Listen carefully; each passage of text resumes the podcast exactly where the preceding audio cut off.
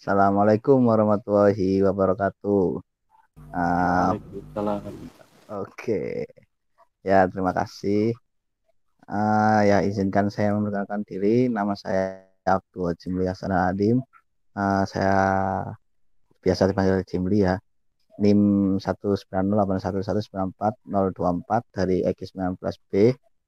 Uh, izinkan saya membuka podcast tentang perbankan syariah pada kali ini yang saya akan ditemani oleh rekan saya eh, Mas Buja dan Mas Tafa.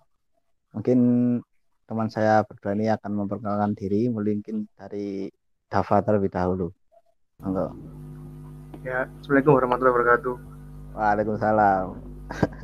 Saya Dafa Dila Branudin, panggilan Dafa dari X19B NIM belas okay. 19082 okay. Mungkin sekian dari saya dan lanjut Puja. Enggak, Buja. ya. sebelumnya Assalamualaikum warahmatullahi wabarakatuh. Waalaikumsalam. Eh, perkenalkan nama saya Buja Liza Minua dari kelas EKI 19 2019 B eh, dengan NIM 190 811 940036 Oke. Okay. Mungkin uh, saya kembalikan ke Mas Jimli untuk melanjutkan. Oke. Okay. Ya terima kasih Dafa dan Buja. Uh, ya kali ini podcast untuk uh, perbankan kali ini mungkin uh, terbagi menjadi tiga topik. Topik yang pertama akan disampaikan oleh Buja, terus Dafa dan kemudian saya. Namun sebelumnya mungkin uh, mohon maaf kalau ada kurangnya karena kita belum terlalu pro untuk membuat podcast. Ya, silahkan Buja. Mungkin ada yang akan dibahas terkait perbankan syariah. Oke, eh, terima kasih Mas Jimli.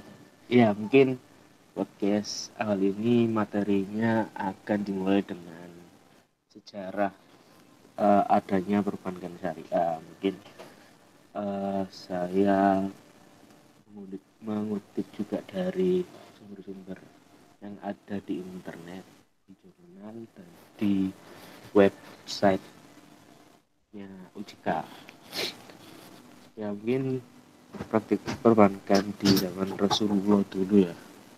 Ya, gimana itu Mas Buja perbankan di zaman Rasulullah itu seperti apa? Apakah udah ada?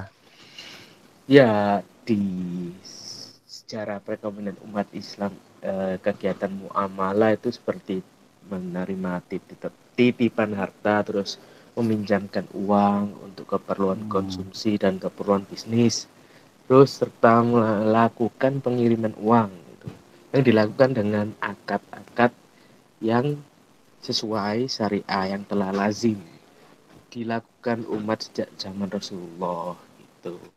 Oh, berarti di zaman Rasulullah itu udah ada praktik pengiriman uang ya, kayak transfer gitu udah ada ya Mas Bija? Udah ada Mas Juli. Oh. Nah itu um, mungkin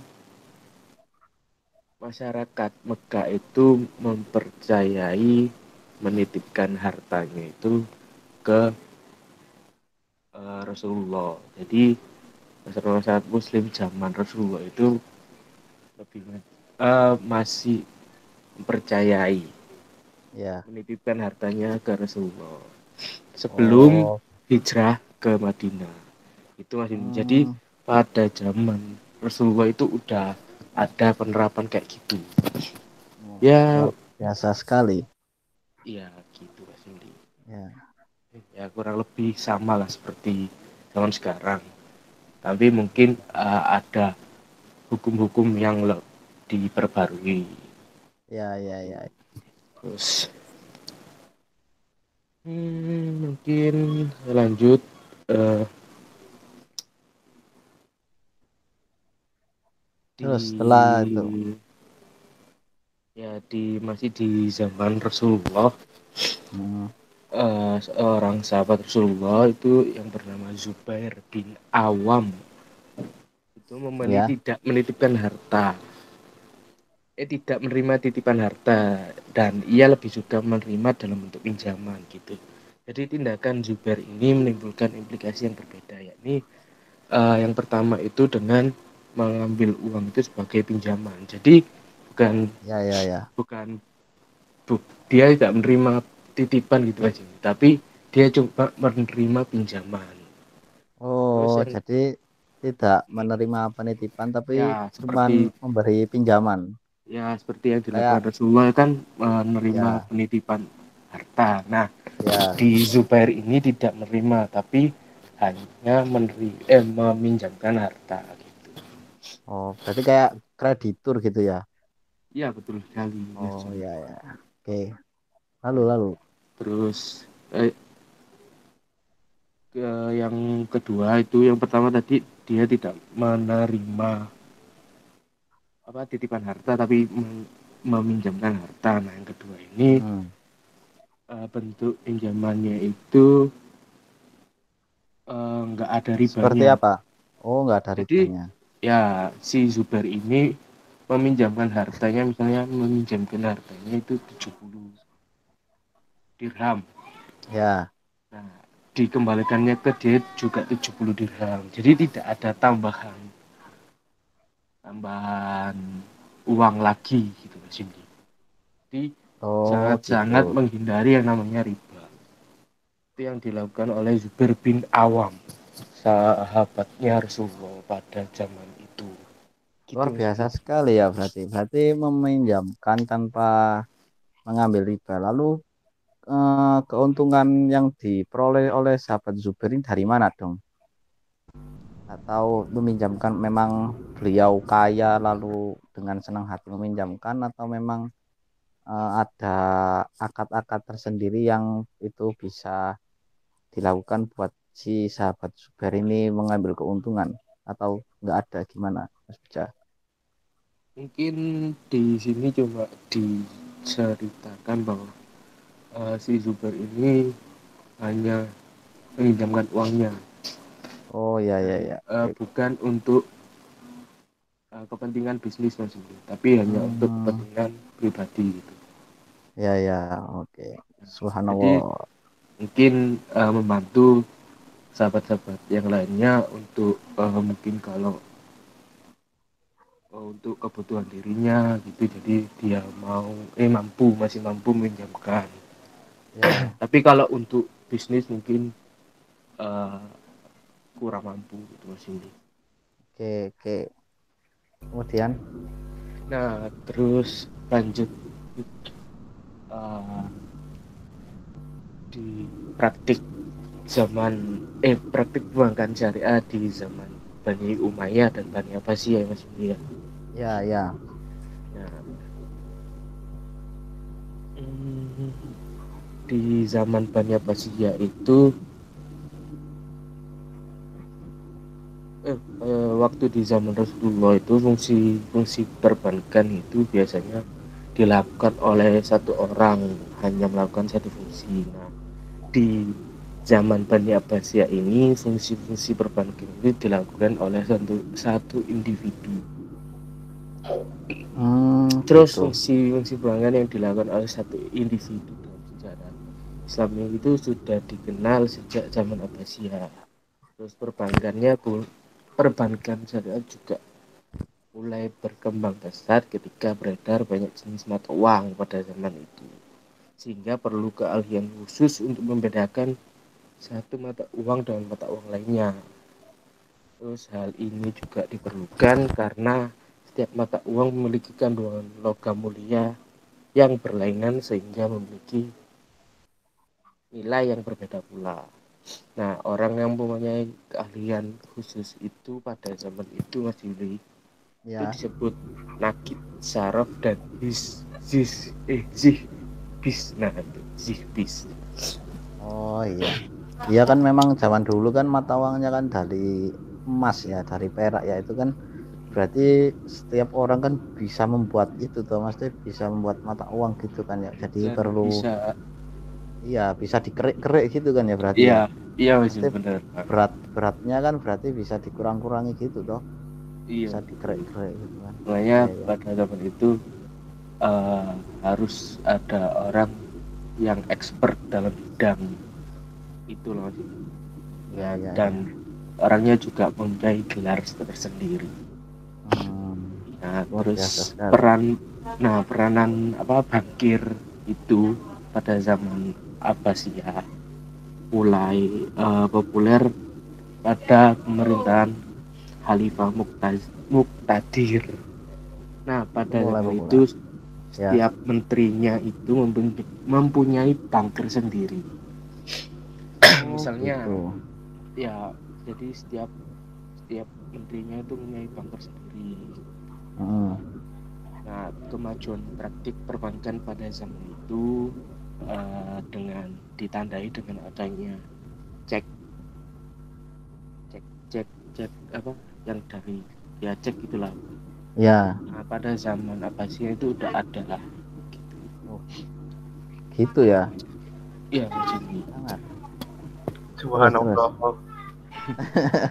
luar biasa sekali ya. Luar biasa. sangat sangat membagongkan. Iya. fakta-fakta sejarah ya Wah. dari cek cek itu jangan Bani Abbasiyah itu eh ya Bani Abbasiyah itu sudah ada. Nah dengan luas sebagai media pembayar gitu.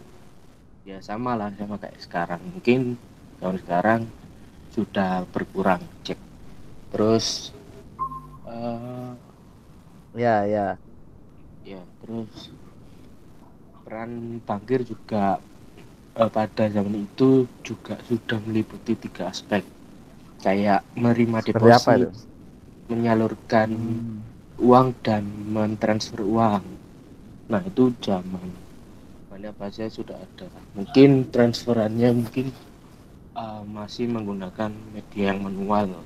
Nggak kayak jam sekarang yang udah menggunakan teknologi gitu iya perbedaannya mungkin di situ. Hmm, terus dalam eh apa waktu zaman Bani Abbasiyah juga udah ada kayak pertukaran mata uang. Apa? Kayak money charger gitu loh money changer. Ya money changer. Kok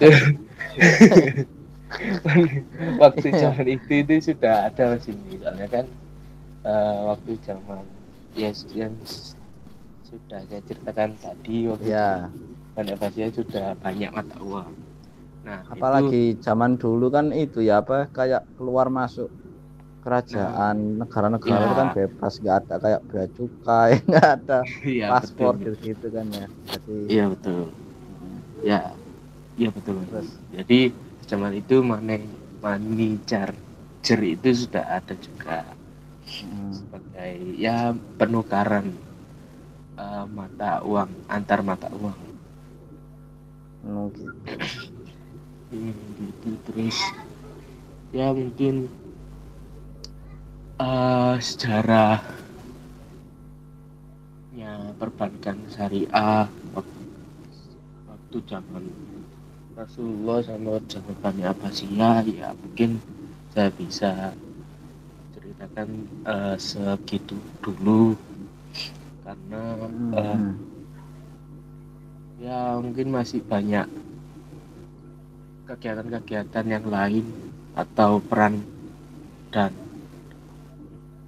penerapan perbankan syariah yang lain yang belum saya ceritakan nanti mungkin uh, bisa diceritakan oleh Mas Dafa Ya. se- Ya, ya. di materi selanjutnya Hmm. mungkin uh, waktunya apa sekian dari saya ya menarik lanjut. langsung Menarik. dan Mas Dafa gitu nanti menarik sekali ya eh, sejarah perbankan dari Sama sejarah Rasulullah. perbankan syariah ya dari zaman Rasulullah sampai zaman Khalifah-Khalifah itu luar biasa ya mungkin Ya. eh, sekarang bisa dilanjut dari Mas Dafa menerangkan tentang praktik bank syariah di Indonesia itu dari mana Awal mulanya. awal ya Ya.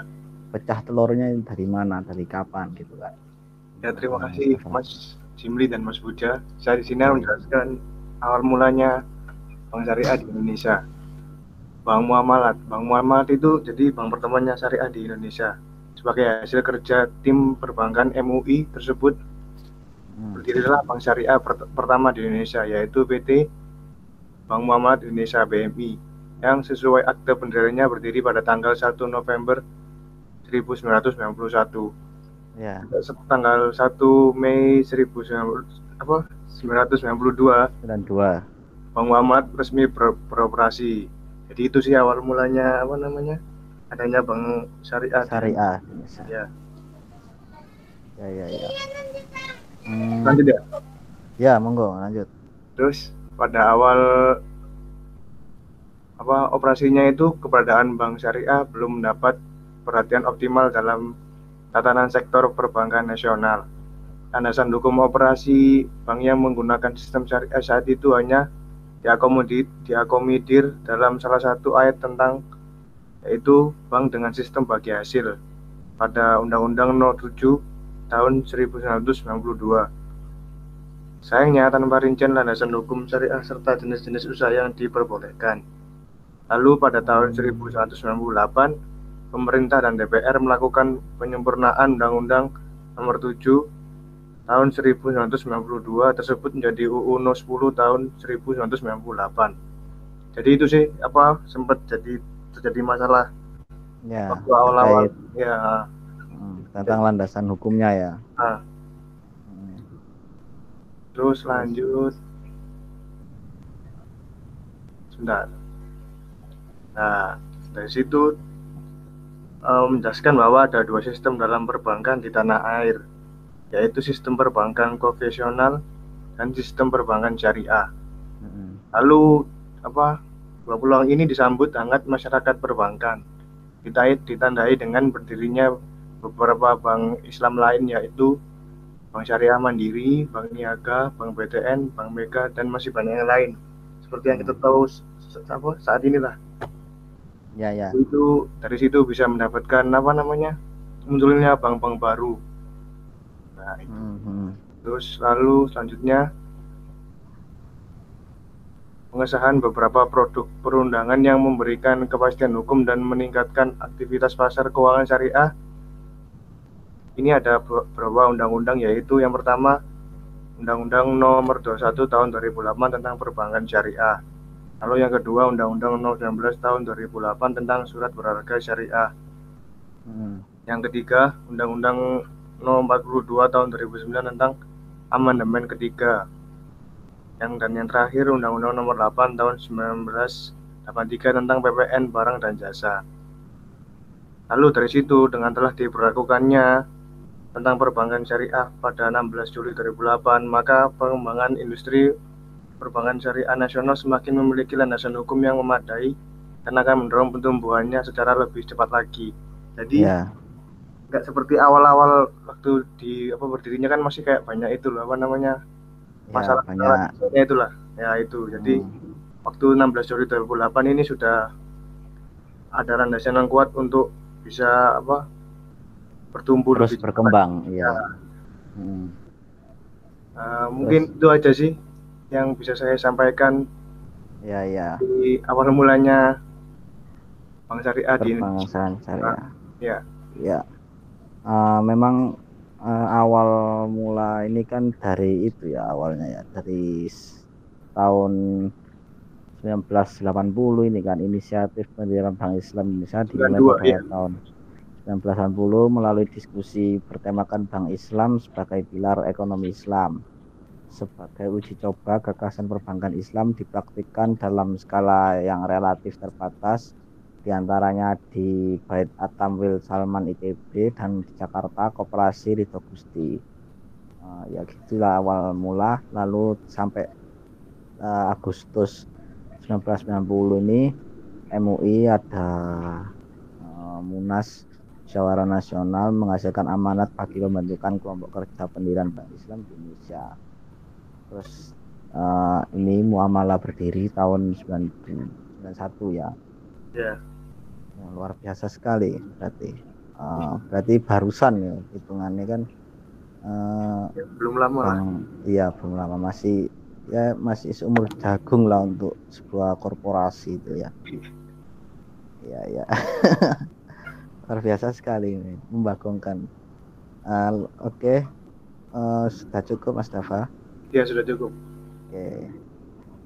Uh, berikutnya mungkin saya akan melanjutkan yaitu uh, perkembangan Mas apa? Mas Yuli mau menjelaskan tentang apa?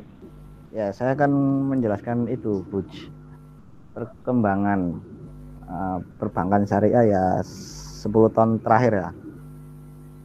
Setelah berdiri itu kan sampai sekarang. Jadi uh, lahirnya UU Perbankan Syariah mendorong peningkatan jumlah BUS dari sebanyak 5 BUS menjadi 11 BUS dalam kurun waktu kurang dari dua tahun dari 2009 sampai 2010 jadi uh, ini mulai menjamur ini bank syariah ini pada tahun segitu.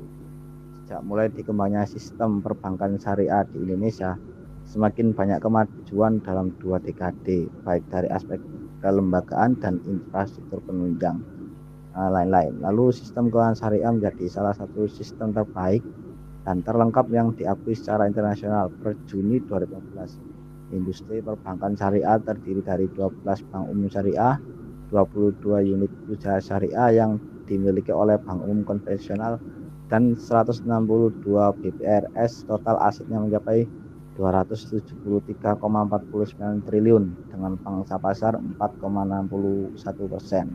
Khusus untuk wilayah Provinsi DKI Jakarta, total aset gross pembiayaan dan dana pihak ketiga BUS dan UUS masing-masing sebesar 201,39 triliun, 85,41 triliun dan 110,50 triliun. Pada akhir tahun 2013, fungsi pengaturan dan pengawasan perbankan berpindah dari Bank Indonesia BI ke OJK, maka pengawasan dan pengaturan perbankan syariah juga beralih ke OJK.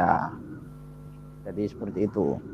Nah, setelah berdiri itu Bank Muamalah pada tahun 91 uh, perbankan syariah itu mulai pertumbuhannya itu mulai agresif, masif dan uh, luar biasa menjamur ya, bagai jamur di musim hujan ya.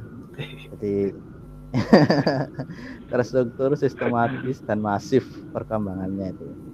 Apalagi kan uh, Indonesia ini kan negara mayoritas muslim terbesar ya. ini di dunia toh.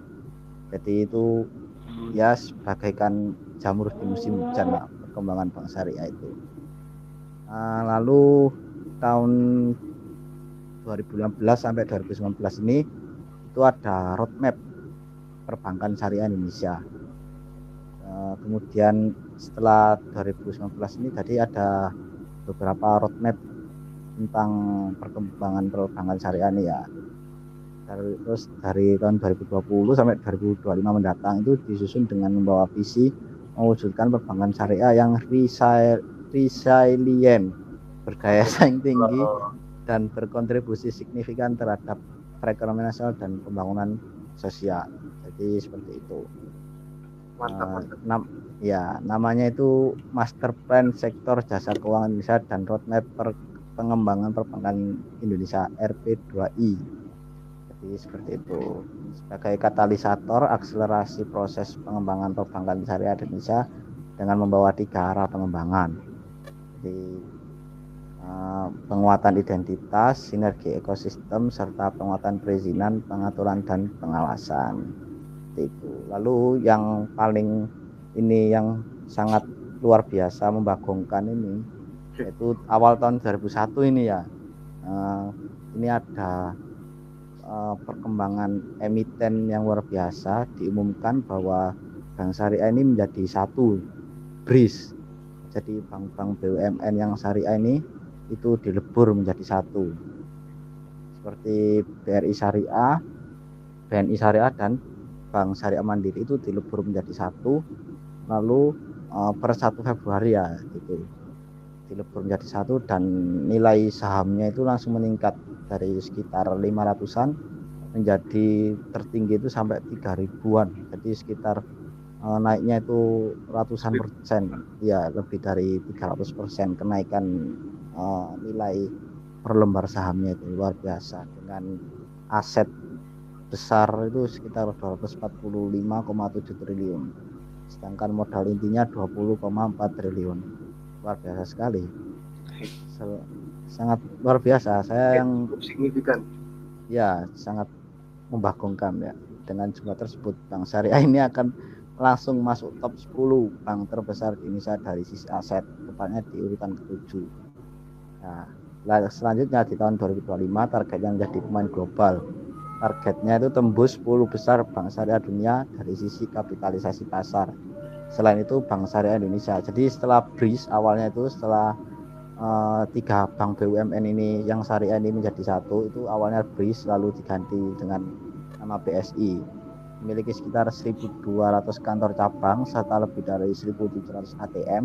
Saat ini BSI berada di kategori bank buku 3, ambisinya masuk dalam daftar bank buku 4 pada tahun 2022. Ya, seperti itu. Jadi perkembangan uh, perbankan syariah ini mulai dipandang tidak lagi sebelah mata itu ya sekitar 10 tahun terakhir apalagi puncaknya ini 2021 yang ditandai dengan uh, meleburnya tiga bank BUMN yang syariah ini ya jadi dari BRI Syariah, BNI Syariah dan Bank Syariah Mandiri seperti itu uh, itu sih perkembangan perbankan syariah di Indonesia 10 tahun terakhir. Setelah berdiri awal tadi yaitu Bank Muamalah. Itu sih yang uh, saya bisa sampaikan. Nah, sampai sekarang ini ada sekitar 17 bank syariah di Indonesia. Gitu. Banyak sekali ya ternyata bank syariah di Indonesia ini. Dan perkembangannya juga uh, signifikan ya walaupun masih umur jagung ya Ya, masih seumur jagung ya. ya. Tapi sudah banyak. Sudah, ya. Apalagi ya itu, itu kan memang didukung oleh uh, pangsa pasar yang besar loh. Ya. Umat Islam di Indonesia ini kan banyak dan banyak, semakin ke sini tuh semakin banyak orang yang hijrah gitu kan. ya, dan mungkin uh, umat man, eh, apa, di luar umat muslim juga yang ya beragama lain mungkin juga banyak yang lebih memilih memakai perbankan oh, syariah ya. daripada memakai bank konvensional ini ya. Ya, karena kan manfaatnya juga luar biasa toh. Manfaatnya itu. Hmm, betul sekali. Hmm, tidak ada bunga dan akadnya juga jelas, tidak seperti bank konvensional yang bunganya besar uh, dengan banyak syarat yang berbelit-belit seperti itu. Uh, sudah untuk podcast kali ini cukup? Dirasa bisa cukup Mas Indi. Okay. uh, eh, mungkin ada kata-kata yang ingin disampaikan oleh Mas Indi. Oh, ya.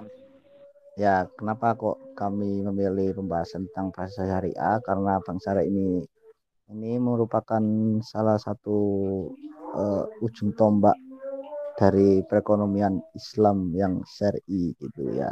Rahmatan lil alamin. Jadi untuk menghindari riba bank syariah lah jawabannya. Itu sekian dari kami. Wassalamualaikum warahmatullahi wabarakatuh. Waalaikumsalam warahmatullahi wabarakatuh. Terima kasih.